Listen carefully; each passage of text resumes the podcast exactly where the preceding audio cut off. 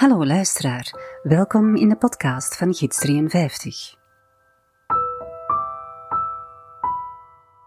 Vandaag de derde aflevering over het leven en werk van Passier Borman, beeldsnijder tussen middeleeuwen en renaissance.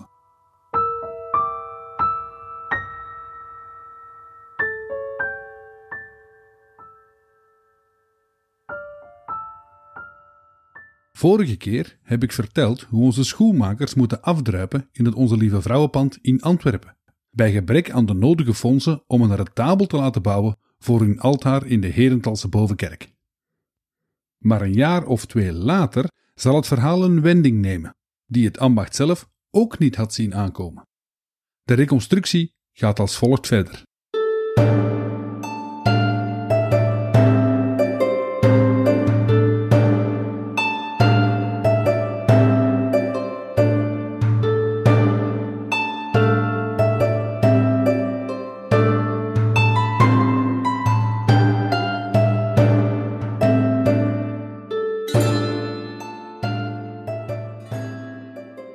Een van de nieuw verkozen dekens van het ambacht, de beste zadelmaker van Hertals en omstreken, heeft via een erfenis van de familie van zijn welgestelde vrouw een behoorlijke som geld gekregen. Opslag was hij financieel uit de zorgen. Laten we het daarbij houden. Om zijn zielenheil en dat van zijn vrouw tijdig te garanderen, laat hij bij contract vastleggen dat het leerbewerkersambacht een donatie krijgt. Zeg maar een zak met veel geld ter verfraaiing van het altaar van de gilde in de bovenkerk. Niks speciaals voor die tijd. Iedereen met wat centen probeert zijn hemel te verdienen. Te kopen eigenlijk, door een altaarstuk te laten maken. Soms is er een drieluik, soms een beeld, soms een houten retabel. En soms is dat klein, of buitensporig groot. Denk maar aan het lam gods van Jan van Eyck, gemaakt voor en betaald door Joos Feit en zijn vrouw. Soms is dat voor het eigen altaar, bij de hele rijke en belangrijke mensen. Soms is het een donatie, een sponsoring. En net door deze financiële injectie komt het idee van het retabel terug van onder het stof. Maar deze keer gaan de leerbewerkers rechtstreeks naar de workshop van Passier Borman in Brussel.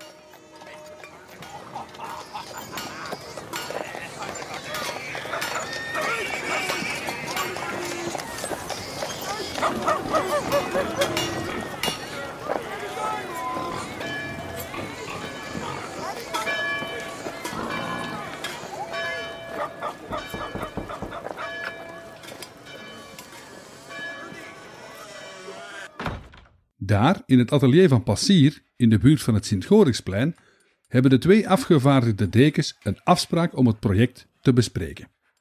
Terwijl ze in de shop staan te wachten, kijken ze in het rond. De showroom staat vol met toonmodellen. Retabelfragmenten en beeldjes allerhande. Klein en groot. Blank hout en beschilderd. Zelfs enkele met bladgoud belegd. Figuren in steen en in albast. Ze zijn behoorlijk onder de indruk, wees maar zeker. Na enkele minuten wachten worden ze hartelijk begroet door de vaste agent van Passier, die al zijn commissies regelt, en door de eerste leerling van het atelier. Meester Passier zelf is er niet. Onze dekens schetsen de wens dat ze een retabel willen laten maken over de martelgang van Crispinus en Crispinianus, voor op het altaar in de vernieuwde kerk van Herentals. En, dat zeggen ze er ineens bij, ze hebben wel wat fondsen om dat te financieren. Alles is mogelijk, zegt de agent. De leerling knikt instemmend. Enkel het thema is wel heel specifiek. Ik denk niet dat we ooit al iets gemaakt hebben van die kerels. De leerling haalt de schouders op en schudt van nee. Waar heeft u het idee gehaald, als ik vragen mag? De dekens leggen uit dat ze het van een paneel in een kerk hebben, die, dat denken ze tenminste, niet zo ver uit de buurt is. Het is een drieluik van een zekere um, aard en, en, nog iets. Van den bossen? vraagt de leerling. Uh -huh. Maar dat werk, dat kennen we. Willen we anders eens gaan kijken? Want de kerk is hier inderdaad vlakbij. En ik denk dat ze nog open is. En zo niet, ik ken de koster. Net op dat moment komt Passier binnen. Hij begroet zijn klanten hartelijk. Excuus dat ik wat later ben, verontschuldigt hij zich. Ik kom van een werkvergadering over een opdracht in Veurne. We zijn daar bezig aan een praalgraf voor een zeer pieus kanunnik. En wat brengt de heer hier? Wel, meester Borreman, wij komen uit Hertals en wij zijn op zoek naar een retabel. De leerling valt direct in de rede en zegt: Ja, ja, het zou moeten gaan over Crispinus en Crispinianus. We waren net aan het zeggen dat we naar de Sint-Niklaaskerk zouden gaan, om het altaarstuk van Aard samen te gaan bekijken.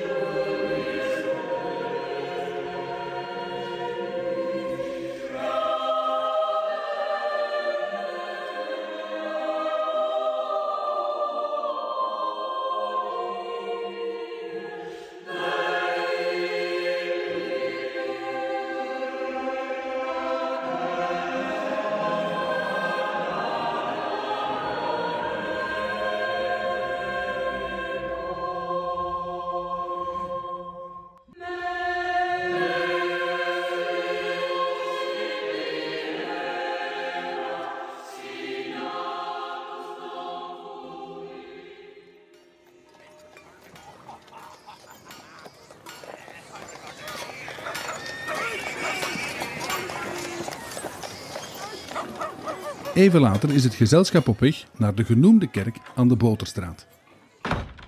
Passier en zijn leerling maken snel enkele grove schetsen van de scènes waarin de twee broers worden gemarteld. Er wordt ook over en weer uitgewisseld, onder meer over wie die broers nu eigenlijk waren. De dekens hebben ook nog twee specifieke vragen. Ten eerste, het retabel gaat in de kerk tegen een zuil komen te staan. En om niet te veel plaats in te nemen, mag het werk niet te breed zijn. Zeker als er nog luiken aan moeten komen. De hoogte speelt niet zo'n rol. En ten tweede vragen ze of Passier het werk zou willen signeren, want dat was de wens van de geldschieter. En het zou wel chic staan, in de kerk natuurlijk. Passier, zelfbewust en topartist als hij is, zegt: Maakt u geen zorgen, ik regel dat. Ik signeer tegenwoordig al mijn werken. En wat betreft de maten, neem ze goed op en geef ze door. Dan komt dat allemaal dik in orde. Mijn agent zal nog contact opnemen om het definitieve contract te bespreken, als ook de offerte. En zo gaan ze uit elkaar.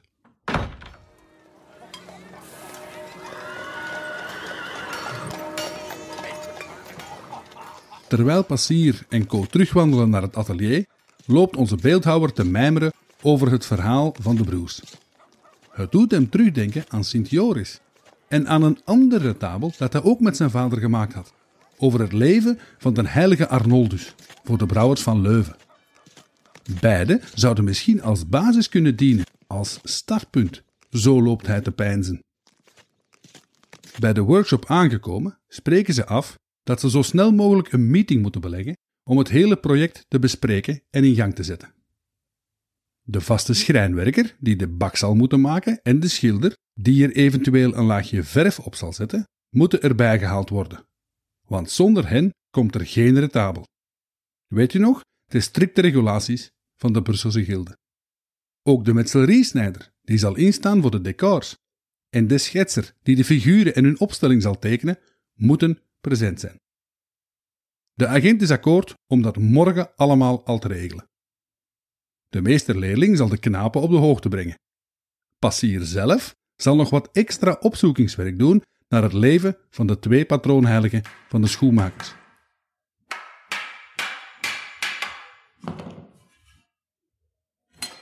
Passier doet nog een avondelijke ronde in zijn atelier.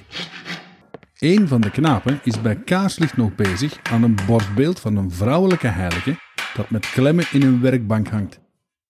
Zeer mooi werk, zegt de meester. Maar ga nu maar naar huis. Morgen doen we voort. Ik sluit hier de boel wel af. Zoals meestal het geval is, maakt de werkplaats deel uit van het woonhuis van de beeldsnijder.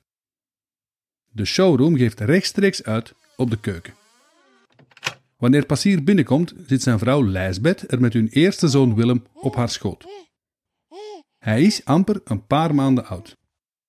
Willem zal later ook beeldsnijder worden en de Borreman-dynastie voortzetten tot op het einde van de 16e eeuw. Lijsbeth vraagt hoe de dag geweest is. Goed, zegt Passier. Wij hebben weer een opdracht binnen voor een retabel. Deze keer voor de huidenvetters van Herentals. Ze willen het verhaal van hun patroon heiligen. We zijn gaan zien in de kerk van Sint-Niklaas. Aard van den Bossen, je weet wel, heeft er een drieluik over gemaakt. Ik kende het niet, maar echt schoon werk. Veritabele. Wanneer de vrouw vraagt wie die patroons van de leerbewerkers dan wel zijn, antwoordt haar man: Ah, weet je dat dan niet? Crispinus en Crispinianus. Die mannen zijn in de tijd gemarteld geweest, gefolterd, zoals ze dat zeggen. De ambachtsdekens kenden niet het hele verhaal, maar ik ga vanavond na het eten nog wat research doen.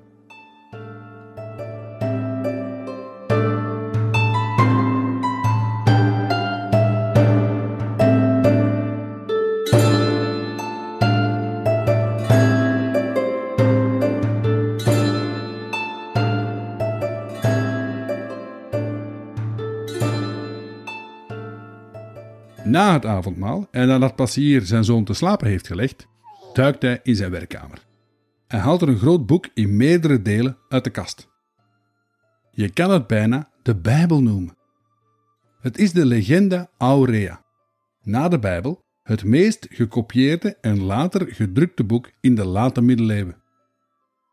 Passier heeft een van de vele Latijnse versies en een Nederlandse vertaling. De Gulden of de Gouden Legende. Deze omvangrijke encyclopedie werd vanaf het midden van de 13e eeuw geschreven door de Italiaanse Dominicaan Jacopo da Varese, alias di Voragine. Hij was de aartsbisschop van Genua. Het Latijnse boek bestaat uit vijf delen en volgt de liturgische kalender. De volgorde wordt bepaald door de dag van de aanroeping en dikwijls is dat de sterfdatum van de heilige in kwestie. Weet u eigenlijk hoeveel heiligen er waren in de tijd van die Voragine? Nee? Ik ook niet. Maar het zijn er veel, want hij is begonnen in de beginjaren van het christendom. En een hele hoop van hen waren martelaars, die op de meest gruwelijke wijze werden gefolterd om uiteindelijk de marteldood te sterven voor hun geloof. U begrijpt dat deze verhalen door de middeleeuwen werden verslonden, als die al konden lezen tenminste. Hoe bloediger, hoe bloeddorstiger, hoe beter. Er is dus nog niet veel veranderd op dat vlak. Maar ook voor beeldhouwers en schilders waren deze gruwelverhalen in de legenda een grote bron van inspiratie. Of wat had u gedacht? En een van die stevige legendes is die van Crispinus en Crispinianus. Passier slaat het laatste deel open. Het is wel wat zoeken naar die broers. Hij bladert. En hij bladert. En hij bladert nog eens terug. En uiteindelijk tussen het verhaal van de passie van de 11.000 maagden wow, en de legende van Simon en Judas komt hij Crispinus en Crispinianus tegen. Passier leest ongeveer het volgende. Crispinus en Crispinianus waren twee broers. Crispinianus was de jongste, want zijn naam is eigenlijk de verkleinende vorm van die van zijn broer. In het Vlaams zouden we zeggen Jeff en Jefke, of zoiets. Ze leefden in Rome rond het jaar 280 na Christus en ze waren christenen, die onder de Romeinse keizers Diocletianus en Maximianus zwaar werden vervolgd omdat ze maar één god aanbaden.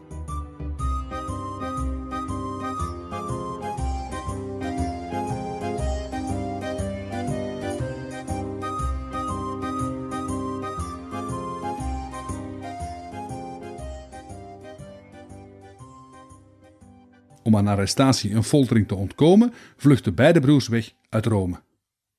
Na wat omzwervingen in Gallië komen ze uiteindelijk terecht in Soissons in de buurt van Parijs. Bonjour. Maar ook daar blijven ze hun geloof trouw. Meer nog, ze gaan predikend op pad in en rond de stad om mensen te bekeren tot het christendom. En s'nachts klussen ze nog wat bij als schoenlappers om in hun eigen karig onderhoud te kunnen voorzien. En dit laatste is de reden waarom ze patroonheilige van de schoenmakers zouden worden. En met uitbreiding van alle ambachtslui die met leerbewerking hun boterham verdienen.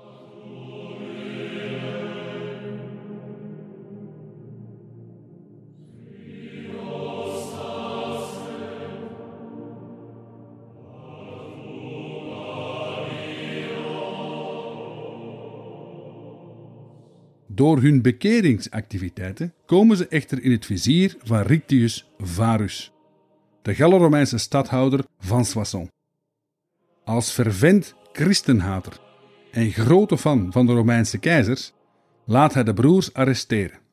En hij eist dat ze hun geloof afzweren op straffen van foltering. Ze weigeren. Of wat had u gedacht? Nochtans was Varus niet aan zijn proefstuk toe. Hij had Sint Quintinus ook al laten folteren en later te dood laten brengen, om net dezelfde reden. Nu, die Quintinus, dat is die van Saint-Quentin, niet zo ver van Soissons trouwens. Hij was geen koorknaap, onze Rictius. Passier leest geamuseerd het verhaal en neemt enkele notities. Nu, om niet alles te verklappen, ik kom later nog terug op die folteringen, kan ik nog zeggen dat Crispinus en Crispinianus uiteindelijk ter dood worden veroordeeld door de West-Romeinse keizer Maxentius.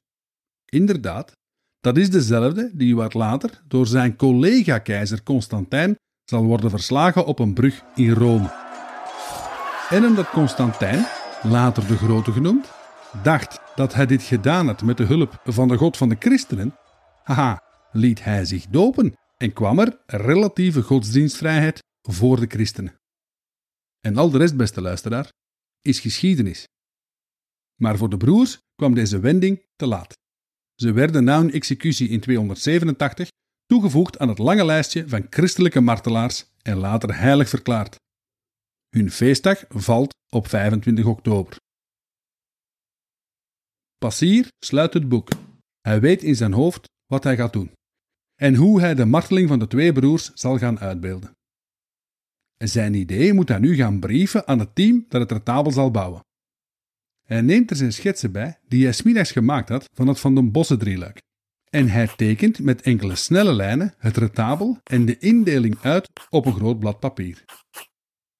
Moe, maar wel tevreden, blaast hij de leeskaars uit in de studeerkamer. Hij neemt zijn blakertje en begeeft zich naar bed. Morgen is er weer een dag.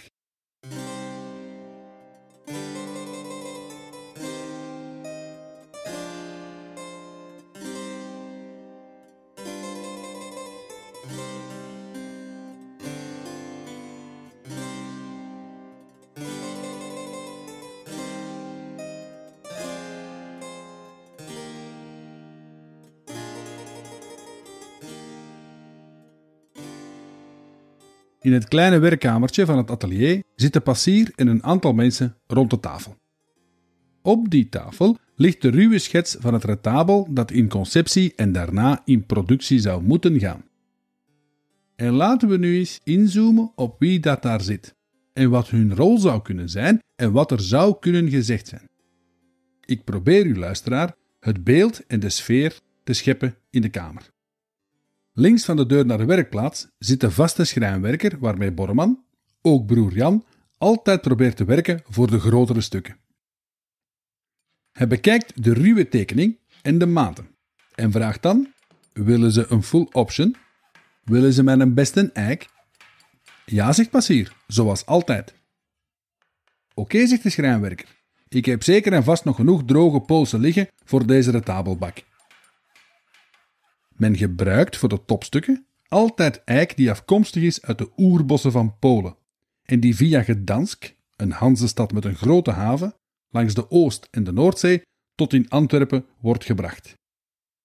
Dankzij het hele specifieke klimaat groeien de eiken in het Baltische gebied trager.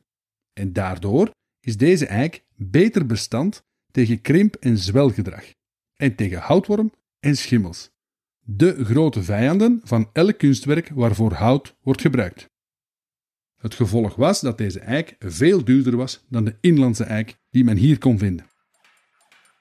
Tot slot vraagt de schrijnwerker nog: Voorziet je ook een bak in T-vorm met een hoger middenstuk? Passier knikt van ja. Naast de bakmaker zit er nog een andere schrijnwerker.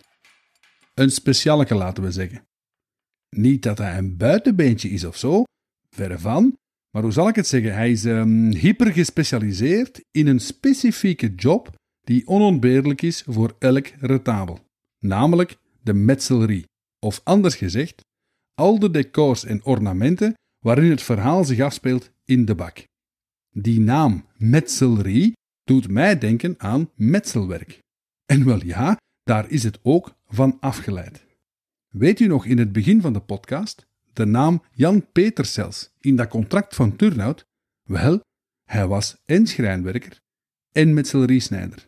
Of hij aan die tafel zit, dat is puur giswerk en daar doen we in deze podcast niet aan mee. Al zou zijn aanwezigheid wel heel leuk geweest zijn voor het verhaal natuurlijk. Hoe wilt je het getabel opbouwen, passier? vraagt hij. Heb je een idee? Ik dacht aan zeven scènes, zegt Borman. Drie grote onderaan, drie kleine op het eerste niveau en iets met God als orgelpunt in het midden. Maar dat weet ik nog niet goed. Zou je mij een voorstel kunnen schetsen op basis van deze schets voor je decors? En mij ineens ook een timing geven waarop je klaar zou kunnen zijn?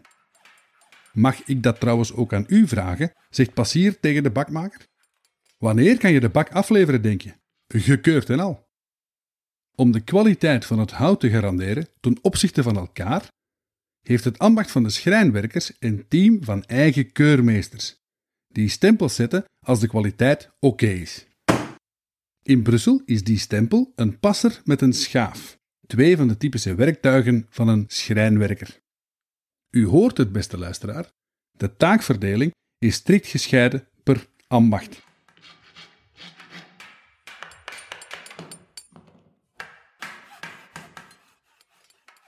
Een derde man die aan de tafel zit, is de schilder polychromeur.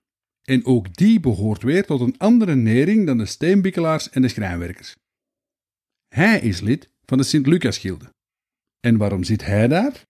Wel, in principe wordt een retabel altijd beschilderd en ook nog eens van bladgoud voorzien.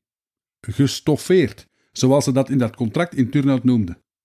En omdat het stofferen vaak de laatste etappe is in het proces en de polychromie vaak ook het duurste is, hebben de schilders in Brussel het recht op het laatste woord in de verkoop van een retabel. Eet de klant iets gezegd over de polychromie? Hebben ze hun wensen bekendgemaakt? Nee, zegt Passier. Maar maak mij alvast een prijs voor polychromie en vergulding.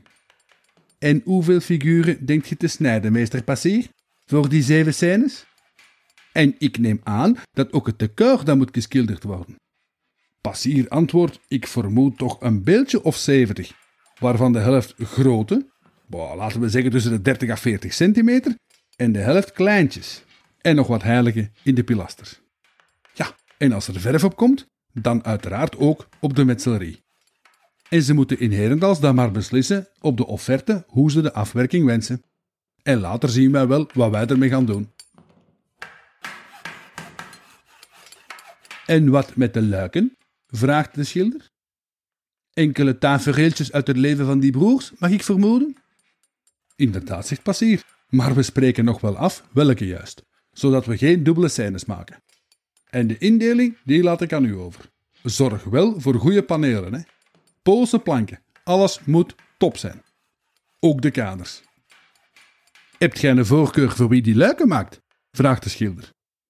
Toen ik dat schreef, beste luisteraar, bedacht ik me plots, wat nu als passier Aard van den Bossen zou gevraagd hebben? Want die had al een heel drieluik aan de broers gewijd. Maar ja, ook dat is weer puur giswerk en niet te bewijzen. We weten op dit moment niet wie er meegewerkt heeft aan het retabel. De schilder zou evengoed Colijn de Koter kunnen geweest zijn. Of Barend van Orly, die beide met het Borman atelier gewerkt hebben. Dat weten we. Het zou dus allemaal kunnen. Het zou geweldig zijn, moest dat ooit uitkomen. Wie dat had geschilderd had. Maar genoeg gedroomd, terug naar onze meeting.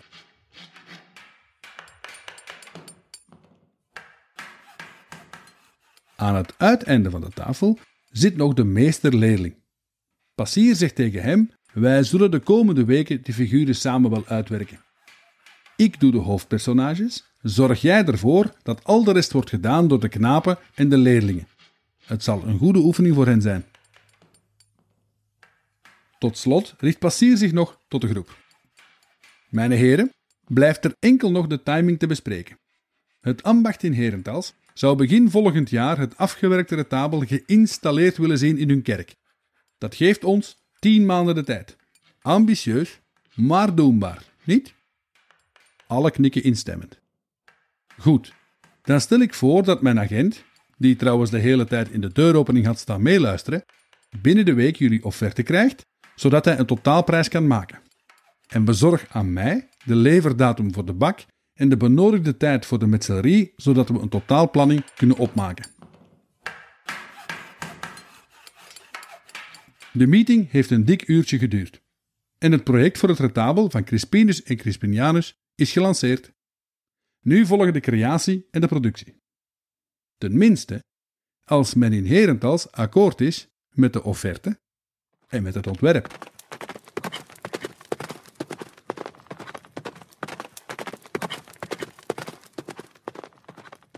Twee weken na de meeting is de agent van het Borman Atelier onderweg naar Herentals. In zijn zadeltas zitten de offerte, het uitgewerkte ontwerp voor het retabel en een contractvoorstel. In het Gildenhuis op de Markt wordt hij vriendelijk ontvangen door de dekens van het ambacht. Alles wordt voorgelegd en doorgesproken bij pot en pint. Uiteindelijk wordt het contract ook getekend, want het retabel is gemaakt en afgeleverd. Maar er is een dikke maar. Helaas is het contract zelf, het papier dat Crispinus en Crispinianus tot leven zou moeten brengen in de bovenkerk, niet tot bij ons geraakt. Het is verloren. Maar hopelijk wordt het ooit nog gevonden in een of ander archief. Blijft de vraag wat er zou kunnen gestipuleerd zijn geweest in het contract. Ik doe een inhoudelijke poging, wetende dat het slechts een hypothetische is.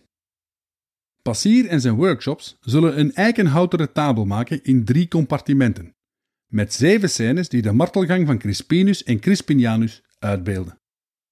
De bak zal 2,17 meter breed zijn, dubbel als je de luiken meerekent, het middelste deel 2 meter hoog en het geheel 42 centimeter diep. Alles is voorzien van het nodige metselleriewerk, uit te voeren door de beste snijder beschikbaar voor Borman. Zowel de bak, de decors als de figuren worden gemaakt van Baltische eik. Het retabel dient afgewerkt te worden met luiken, die zowel aan de binnen- als aan de buitenkant zullen beschilderd worden met scènes uit tenminste het leven van de twee broers. En net zoals in Turnhout is er op termijn de bedoeling om het ganse werk te stoefferen, te polychromeren. Maar vanwege de nogal dure investering zal dit pas later gebeuren, wanneer het ambacht extra budget hiervoor kan vrijmaken. Oplevering en plaatsing zijn voorzien voor het voorjaar van 1520. Op straffen van boete voor de fabrikant bij te late levering of slechte kwaliteit. Getekend de dekens van het leerbewerkersambacht van Herentals en P. Borman vanwege zijn agent-ondernemer. Anno Domini 1519.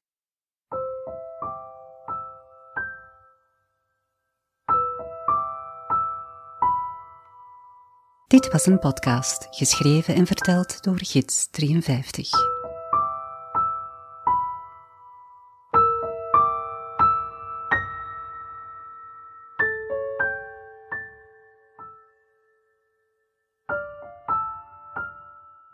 In de vierde aflevering staat het afgewerkte retabel te pronken in de kerk van Herentals. En nemen we een kijkje in het productieatelier van Passier. Eindigen doen we met een blik op de 500 jaar die het kunstwerk heeft afgelegd sinds haar conceptie. Tot hoors, beste luisteraar. Je kan nog steeds terecht op gids nummer 53.com blog voor extra informatie. Vind je deze podcastreeks leuk? Laat gerust een beoordeling of review na als je op Apple Podcast luistert. Luister je op een ander kanaal? Laat een berichtje achter op mijn website gidsnummer53.com/reviews. Alvast bedankt.